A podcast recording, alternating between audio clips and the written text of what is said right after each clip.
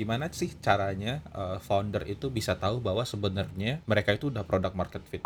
Kalau seandainya Traveloka kondisinya pada saat itu seperti itu kemudian dia raise fund story apa yang dipakai ya? Masuk akal nggak ya kalau storynya adalah mereka pengen survive dari pandemi?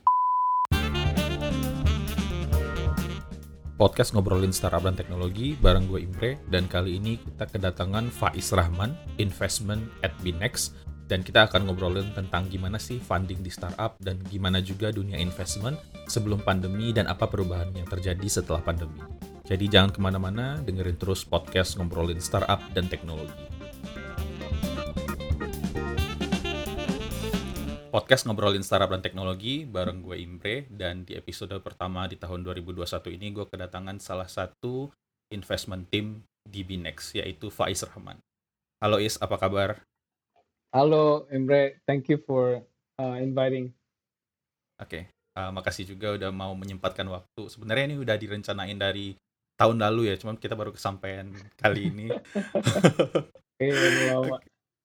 Oke, jadi di episode kali ini kita bakal ngomongin tentang fundamental dari gimana sih uh, investment di startup. Kalau seandainya di luar sana teman-teman ada yang lagi pengen mulai startup dan pengen tahu kira-kira uh, di setiap stage dari funding itu ada apa aja, apa aja yang dilihat dan kemudian prosesnya seperti apa. Jadi kira-kira nanti kita akan ngobrolin tentang itu dan kemudian kita juga akan pengen uh, bahas tentang gimana investment sebelum pandemi dan setelah pandemi. Perubahannya seperti apa.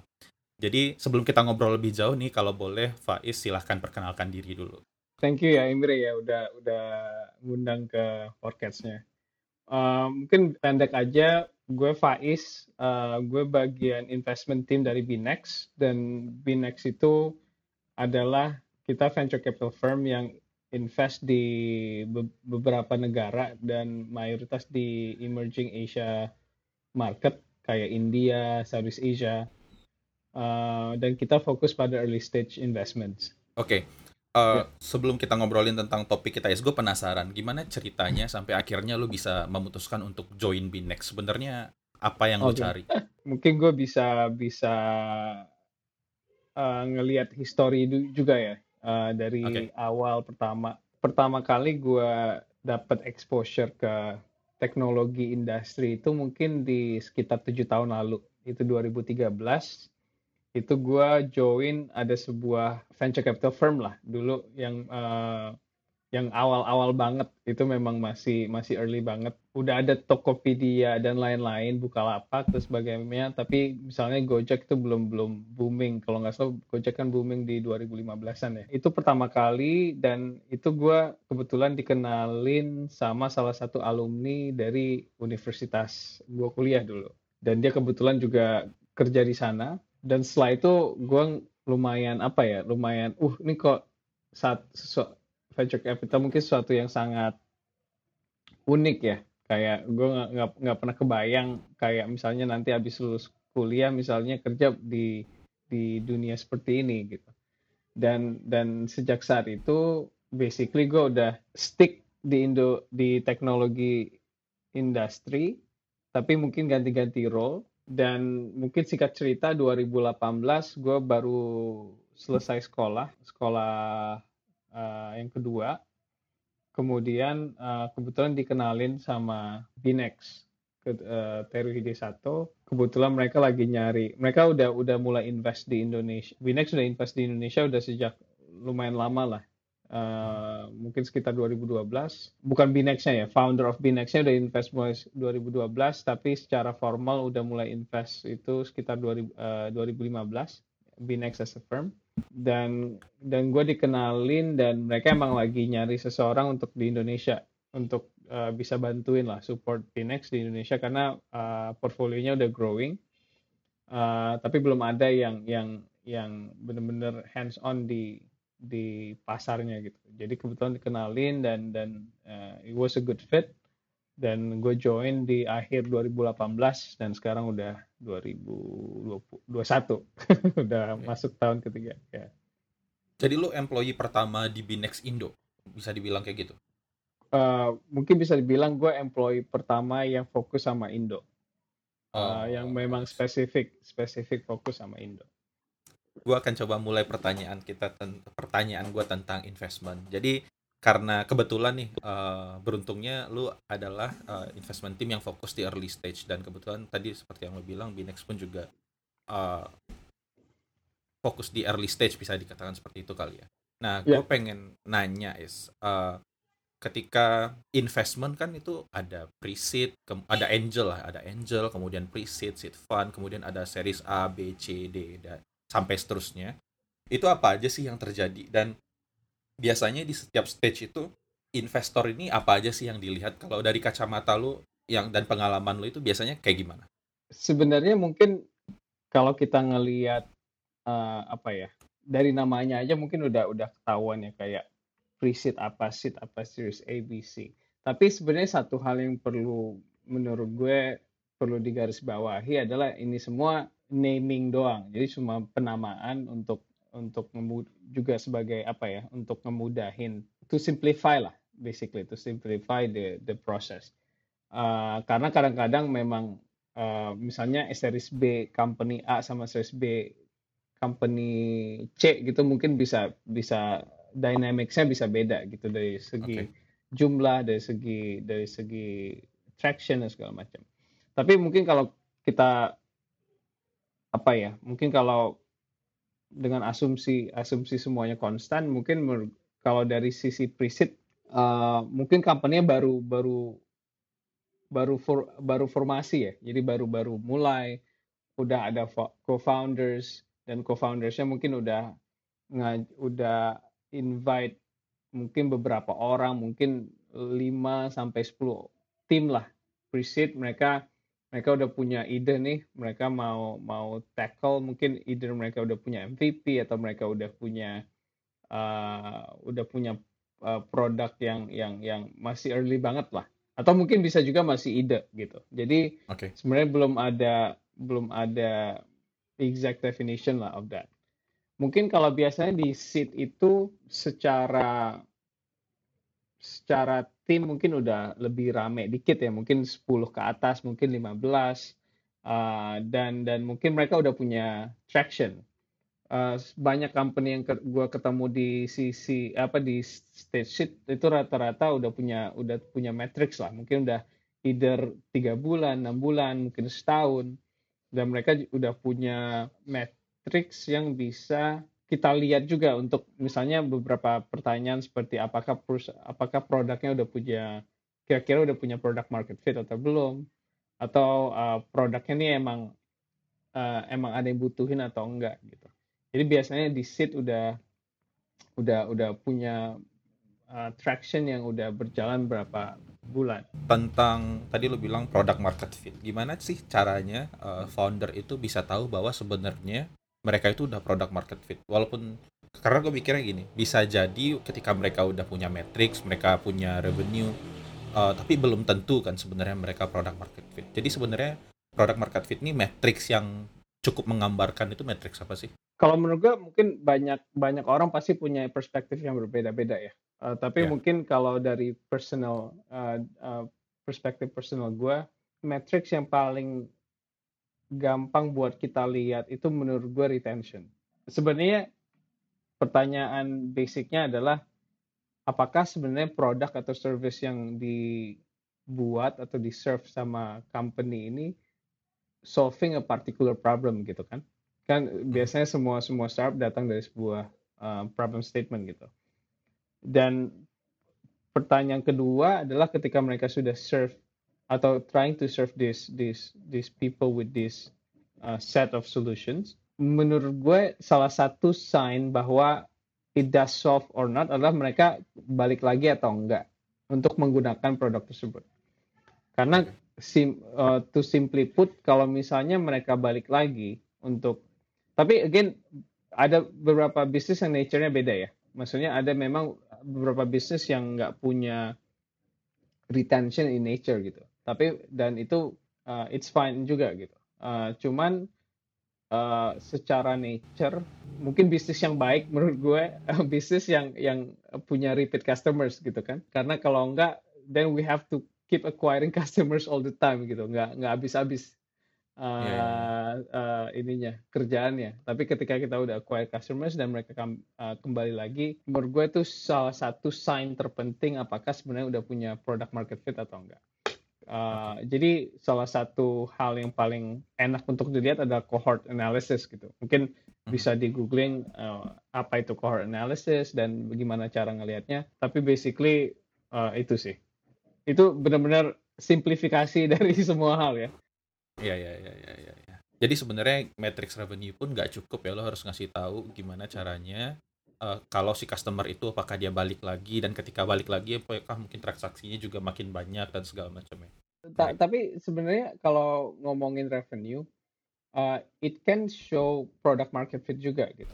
Tapi okay. maksudnya revenue in the sense uh, apakah terjadi recurring revenue atau enggak misalnya ya apakah ada hmm. adalah ada repeat repeat repeat orders atau repeat repeat customers yang keep keep giving revenue atau misalnya apakah orang-orang yang yang jadi customer lo di bulan Januari apakah mereka spend more atau keep keep purchasing atau keep keep buying your service in in month 2, month 3, month 4 misalnya. It can be it can be a ketika gue bilang retention um, uh, itu se, mungkin secara secara secara fundamental untuk ngelihat apakah mereka balik lagi tapi ketika mereka balik lagi itu bisa dilihat dari misalnya apakah mereka uh, ngomongin streaming musik lah mereka balik lagi untuk dengar apakah mereka balik lagi untuk uh, dengar musik lagi atau enggak? Itu atau misalnya lo bikin e-commerce apakah mereka balik lagi untuk uh, beli produk yang lain misalnya? Kemarin mereka beli A terus B. Uh, intinya mereka balik lagi untuk use the service even though uh, ada matrix-matrix lain yang uh, mendukung retention tadi. Nah kalau series A, B, C dan seterusnya itu gimana is? Mungkin dalam dalam apa ya konven bukan konvensional lah dalam dalam definisi yang paling general basically ketika mereka sudah receipt uh, the next stage berikutnya adalah series A series B, series B, eh, series B dan seterusnya. Dan dan ketika udah masuk series A, mungkin beberapa pertama diharapkan kali ya. Mungkin PMF-nya emang udah udah udah proven gitu. Jadi uh, uh, product market fit-nya sudah proven dan dan uh, walaupun nggak semua case seperti itu ya, masih ada juga misalnya company udah masuk ke series A, uh, tapi mereka ya belum belum dapat gitu uh, what okay. what makes the what makes the customer stick atau comeback tapi mungkin in most di kasus yang paling banyak adalah ketika mereka sudah series A company-nya pasti sudah mungkin sudah lebih lama berjalan mungkin uh, secara operation sudah setahun lebih. Tapi ini again this is general simplification ya. Uh, mungkin sudah sudah jalan lebih dari setahun. Uh, mereka sudah punya intinya udah punya data data set yang jauh lebih banyak lah dibanding misalnya masih masih di pre-seed atau di seed. Uh, mungkin mereka sudah punya revenue yang either keep growing atau udah udah udah uh, punya beberapa mungkin buat SaaS sudah punya beberapa recurring customers uh, okay. buat beberapa company yang sudah uh, lebih apa ya mungkin di di uh, B2B focus sudah punya beberapa contract value kontrak uh, sama uh, business parties yang udah ada beberapa lah. Jadi mereka sudah punya generate revenue. Biasanya rata-rata di di series A itu udah generate revenue sih. Walaupun nggak semuanya kayak gitu. Okay. Tapi uh, in in a lot of cases mereka sudah mulai monetize. Uh, dan mungkin secara uh, to simply put juga B, C, D, E, F apa ya? Mungkin itu juga stage-stage di mana mereka udah punya sebuah produk atau service yang emang working mereka sudah punya customers yang customer base yang uh, sudah mungkin secara kalau secara kuantitas bisa bisa relatif ya tergantung bisnis bisnisnya apa gitu tapi uh, in general ketika mereka masuk ke B, C, D dan seterusnya itu basically bisa dibilang mereka raise funding itu untuk grow even further dari dari produk atau service yang udah udah working tadi atau udah ada customersnya dan ketika mereka growing itu kan bisa macam-macam ya. Either mereka mau mungkin secara produk apakah mereka mau double down on the the product yang mereka sudah sudah jalanin tadi atau mungkin mereka mau expand to other uh, produk atau mereka mau expand to other market uh, menurut gue tujuannya bisa variatif banget tergantung dari foundersnya tuh mau apa gitu. What what uh, apa yang foundersnya mau achieve dari biasanya setiap funding fundraising itu selalu ada apa ya? Selalu ada story-nya lah. Uh, okay. kita mau fundraise ini untuk ini gitu untuk untuk either untuk increase untuk improve our product atau mau nambahin produk lain atau untuk mau nambahin gedein tim kita. Uh, karena kita udah punya uh, working uh, PMF product misalnya. Uh, atau mungkin kita mau mau ke other market gitu. Kita mau fundraise karena kita mau expand ke other market jadi pasti biasa ada story-nya lah. Uh, why why do why do the company atau founders need need more funding Oke, okay. uh, eh, gue tiba-tiba ke kepikiran ini gara-gara lo bilang harus ada story-nya. Uh, eh, gue sempat lihat tweet lo juga nanti akan kita bahas juga. Salah satunya adalah tweet tentang Traveloka yang raise fund sekitar berapa ya? Uh, 250 juta. Uh, nah itu kan dia raise fund setelah ke hit pandemi kan ya sih. Uh, yeah, katakan yeah. karena seperti yang udah kita tahu Traveloka itu diberitakan uh, kena hit pandemi karena banyak uh, orang yang tiba-tiba nge-cancel uh, dan segala macam refund dan kemudian ada investment nih masuk. Nah, kalau seandainya gue penasaran, kalau seandainya Traveloka kondisinya pada saat itu seperti itu, kemudian dia raise fund, story apa yang dipakai ya? Gue gue punya pertanyaan kayak gitu. Masuk akal nggak ya kalau storynya adalah mereka pengen survive dari pandemi?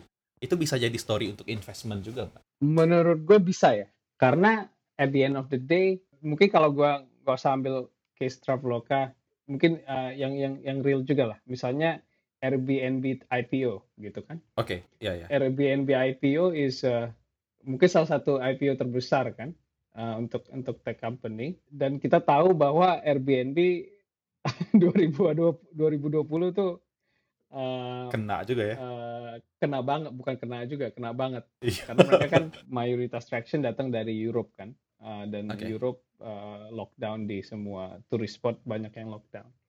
Tapi kenapa mereka ini mungkin personal opinion. Tapi kenapa yeah. mereka punya bisa berhasil raise sebanyak itu karena semua orang tahu bahwa travel atau traveling is is really mungkin udah jadi salah satu basic need gitu for for mm-hmm. people for a lot of people mungkin untuk beberapa itu adalah tertiary need tapi a lot for a lot of people juga itu jadi primary need mungkin if not secondary need. Jadi ketika kita investasi ya mungkin nggak nggak cuman cuman startup tapi in any kind of investment selalu ada pasti selalu ada ekspektasi bahwa things will go uh, better atau things will go higher ya. Kalau lo beli emas gitu lo selalu berharap harga emas suatu saat akan naik atau lo beli yeah. saham suatu saat harga harga saham akan naik. Mungkin menurut gue the philosophy atau the the thinking process juga sama gitu semua orang percaya bahwa travel will come back anyway sooner or later. Jadi dan dan let's say gua race untuk to survive tapi dengan catatan bahwa I I can survive dan once once everything goes back to normal gue mungkin apa ya either gue still number uh, gue still number one or gue bahkan mungkin bisa punya market share lebih gede misalnya karena yang lain-lain karena mereka nggak punya kapasitas funding yang cukup, mereka jadi wipe out semua kan gara-gara pandemi uh. misalnya ya.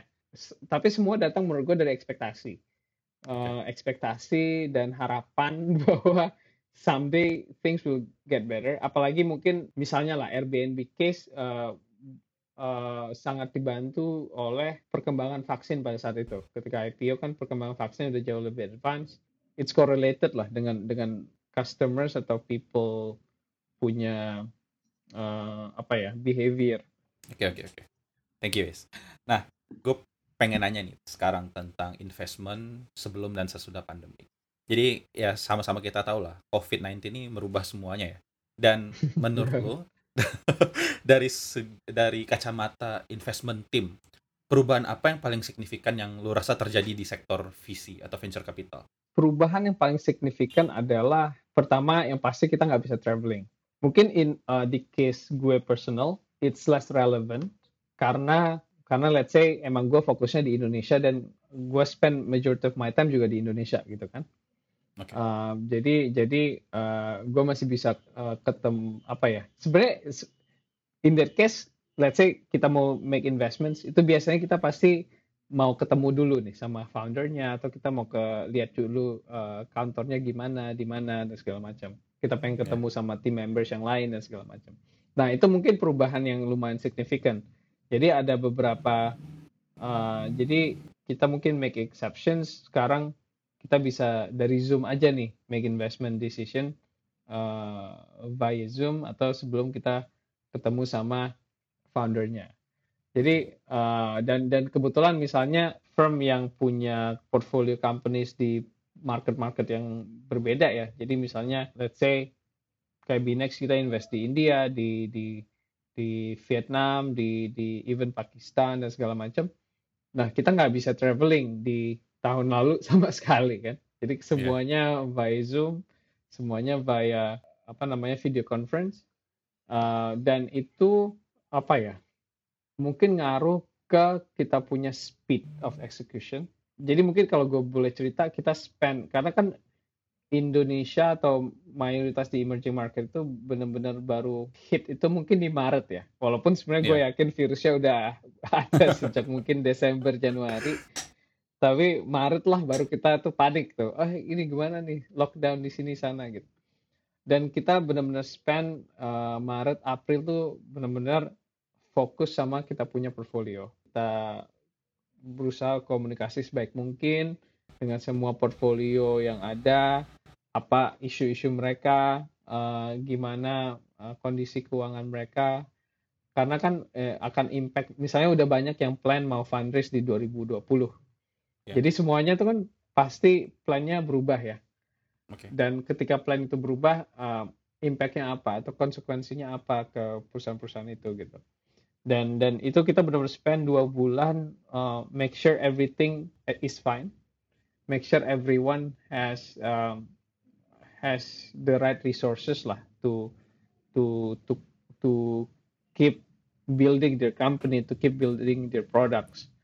Uh, dan setelah kita ngerasa kondisinya sudah lebih baik, baru I, menurut kalau nggak salah kita May onwards itu kita udah mulai making investment lagi yang baru. Jadi kita juga berusaha untuk untuk terus uh, terus uh, karena believe it or not, some of the most exciting companies biasanya datang dari dari dari crisis gitu kan. Iya, yeah, betul. Dan kita gue ya kita percaya banget sih bahwa malah ketika ketika ada krisis orang-orang yang berani untuk mulai bikin company baru adalah mungkin orang-orang yang punya kaliber yang berbeda gitu orang-orang yang benar-benar berani takes the the risk. Karena kan ketika kita this is crisis gitu. Mungkin the the most uh, misalnya gue personal gitu. Would I start a company let's say in the pandemic gitu? Yeah. pasti semua orang bahkan uh, prefer untuk have stable jobs lah misalnya ya. Atau uh, prefer to have something yang pasti can bring food to the table gitu. Tapi mungkin ada beberapa orang yang yang benar-benar punya keberanian yang jauh lebih besar uh, berani ngambil resiko yang jauh lebih besar dan memang ngelihat oh ini ada emang ada opportunity nih dari dari pandemi ini dan dan they take the risk uh, dan this kind of people jarang kita ketemu sih maksudnya kita nggak akan bisa benar-benar tahu kecuali emang ada kondisi kayak kayak iya. pandemi yeah. seperti ini gitu. Jadi makanya kita percaya bahwa there are those kind of people and we we should be able to to support them. Oke. Okay. Dan uh, dan mungkin on the other note juga secara tech industry itu juga banyak sekali vertical di di di tech teknologi industri yang yang malah malah jauh lebih uh, berkembang ya. Jadi misalnya ada beberapa yang paling paling gampang atau paling visible tuh misalnya kayak adopsi dari e-commerce. For the first time in history, company yang paling paling besar atau the most valuable company in Southeast Asia itu tech company gitu. Uh, yeah. C Group. Biasanya selalu didominasi sama sama bank-bank besar kan. Tapi untuk pertama kali di history uh, company yang paling besar di Asia Tenggara itu adalah tech tech company dan yeah. itu nggak pernah terjadi sebelumnya dan dan itu juga sangat di drive sama COVID gitu. Uh, dari sisi e-commerce, dari sisi payments, dari sisi gaming. Jadi memang mungkin kalau gue personal ngelihatnya secara tech industry growth itu mungkin net positif ya dari gara-gara COVID. Uh, memang ada beberapa yang yang sangat-sangat terdampak kayak travel, hospitality. Tapi tapi pandemi ini juga jadi blessing of disguise untuk industri-industri lain yang memang dengan adanya teknologi jauh lebih memudahkan mereka untuk either do something meet other people atau to to study dan segala macam. Interesting. Uh, gue jadi penasaran is uh, sebelum COVID prediksi lu tentang 2020 di dunia investment itu seperti apa? Dan apa yang terjadi setelah pandemi? Apa yang nggak sesuai ekspektasi lu dan apa yang bikin lu uh, surprise gitu? Mungkin mungkin kalau secara prediksi uh, sebelum 2020 ya mungkin sangat sangat general ya. Mungkin prediksinya pasti uh, certain industry akan growing, uh, makin growing atau makin makin besar adopsinya. Mungkin jujur gue juga nggak inget sih apa prediksi gue sebelum 2020. Uh, udah udah apa namanya udah 2020 udah udah udah ini banget lah, udah takes too much of my energy to remember uh, what what what I thought uh, before 2020. Tapi pasti mungkin uh, sebelum 2020 kita udah punya maksudnya gue personal udah udah ngelihat bahwa oh ini kayaknya next year industri ini ini ini ini gitu akan akan akan jauh lebih berkembang dan segala macam. Tapi ketika COVID hit, mindset kita langsung berubah. Mindset kita adalah industri-industri apa yang yang impactnya negatif, tapi industri-industri apa yang malah impactnya jauh lebih baik gara-gara okay. COVID. Karena beberapa industri itu gara-gara corona mereka punya adopsi itu tiba-tiba kayak prediksi mereka atau forecast mereka dua atau tiga tahun ke depan gitu, Imre. Hmm. Jadi uh, gara-gara corona, yang misalnya lah, mungkin contoh sederhana, misalnya company A, let's say doing healthcare lah, okay. uh, eh, yang mungkin mereka prediksi mereka dapat satu juta user itu dua tahun lagi, tiba-tiba mereka dapat satu juta user nih tahun ini gitu, kayak two years earlier than expected dan itu terjadi di banyak di banyak vertical ya. Jadi misalnya dari payments, di let's say e-commerce, marketplaces, logistics, terus uh, apalagi education for example, uh, groceries misalnya. Dan dan hal itu terjadi di vertical vertical itu. Dan uh, despite all the sadness in COVID, it it brings uh, positive effect juga untuk untuk perusahaan-perusahaan di certain industries. Not to mention, let's say, uh, industri masker atau industri uh, apa namanya? Apa yang awal-awal itu masker sama apa yang ini? Oh, hand uh, sanitizer. Uh, hand sanitizer. Hand sanitizer. Oke oke. Nah, uh, gue pengen uh, menanggapi dikit ya. Tadi lo bilang healthcare yeah. tuh tiba-tiba proy uh, proyeksinya yang sekian tahun ke depan tiba-tiba di speed up ke jadi sekarang atau tahun lalu lah katakan. Ya. Cuman gue penasaran uh, dari kan gue ngeli ngebaca tweet lo juga kan yang big uh, investment in each month di 2020. Tapi gue nggak melihat ada healthcare investment. Itu menurut lo kenapa? Dan pertanyaan gue yang kedua, ketika ada pandemi ini otomatis sekarang orang penggunaan healthcare orang tinggi. Tapi apakah itu uh, sustainable ke depannya? Karena ketika vaksin udah ditemukan mungkin orang akan jadi uh, mungkin sedikit uh, careless juga kali ya dengan healthcare. Karena oh ya udahlah udah nggak pandemi ngapain gue lagi pakai aplikasi healthcare atau kebutuhan seperti itu? Kamu menurut lo gimana? Mungkin untuk funding gue nggak maksudnya gue nggak bisa recall. Karena misalnya kalau lo relate ke tweet gue itu benar-benar ya itu personal opinion gue aja. Apa yang apa okay. yang big mungkin mungkin ada yang healthcare juga funding. Uh, tapi mungkin let's say nggak uh, menurut gue yang lain lebih gede gitu. Misalnya lah ya gue gue nggak okay, ingat okay, to be honest dan mungkin gue bisa langsung touch ke ke poin poin kedua sebentar untuk uh, adoption. Jadi yang menarik dari dari pandemi ini adalah mungkin kalau gue bisa ambil contoh telemedicine lah.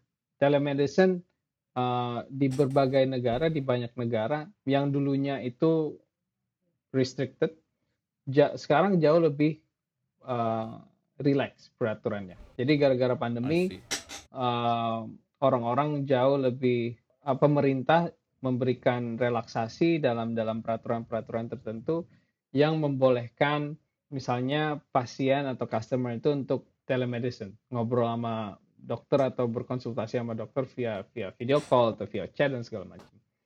Oke. Okay. Dan sebenarnya itu adalah sebuah perubahan yang fundamental. Karena dengan perubahan seperti itu, adopsi dari let's say misalnya telemedicine itu jauh lebih besar selama pandemi.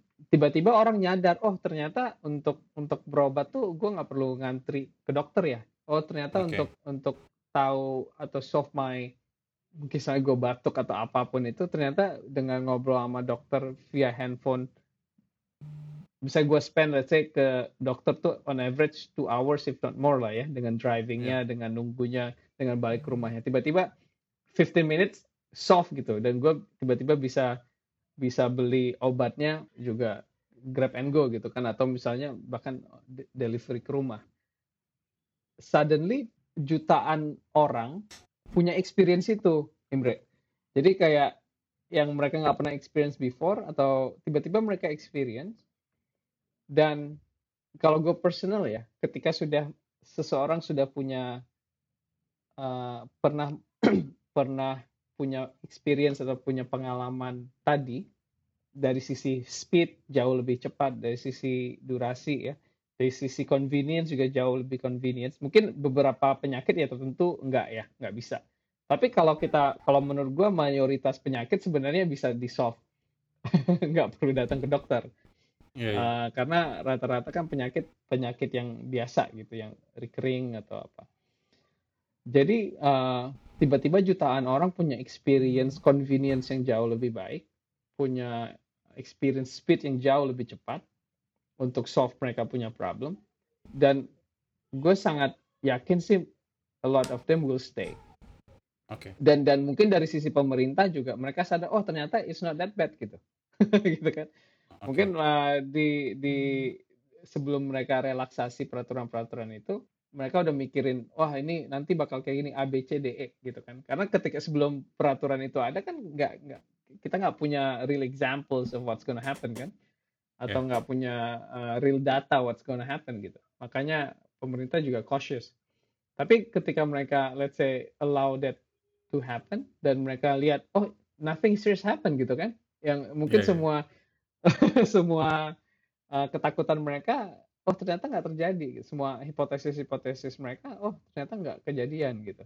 Yang yang negatif. Dan dan itu benar-benar mungkin balik lagi ke poin gue di awal itu benar-benar merubah fundamental baik dari sisi public policy sisi consumer behavior fundamental kita cara kita berpikir atau cara kita me, uh, apa ya perspektif kita terhadap service-service tertentu tadi gitu jadi that's how I think sih personally oke okay, oke okay, oke okay.